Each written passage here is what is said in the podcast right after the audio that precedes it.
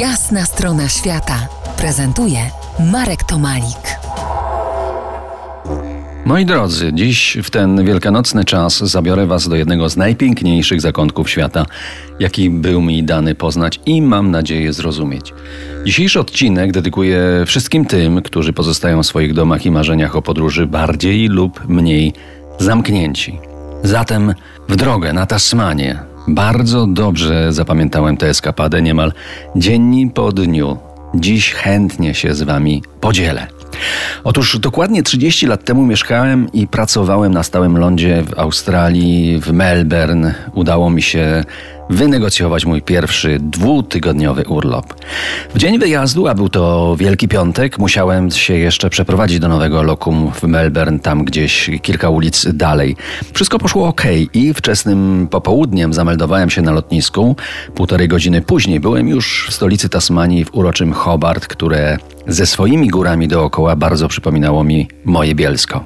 Ugościła mnie pani Dudkiewicz, koleżanka mojej mamy. Miałem do dyspozycji mikromieszkanko, wtedy dla mnie luksus, który długo już się przynajmniej tam w Australii nie powtórzył.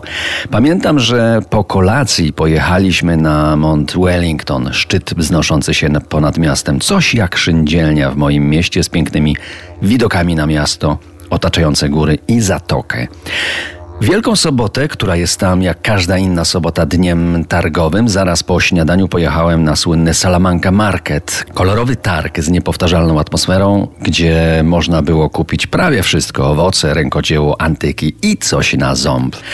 Hmm, wczoraj pewnie Salamanca Market był jednak bezbarwny i świecił pustkami. Tego nie wiem, ale domyślam się. Jeszcze przed południem wyruszyłem w dalszą drogę do pobliskiego Parku Narodowego Montfield na spacer po dzikim lesie.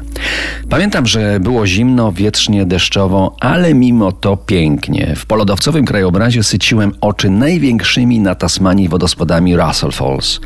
W drodze powrotnej kupiłem pstrągi prosto z farmy, które dzień później w niedzielę wielkanocną w sąsiedztwie szpinaku i groszku wylądowały na świątecznym stole.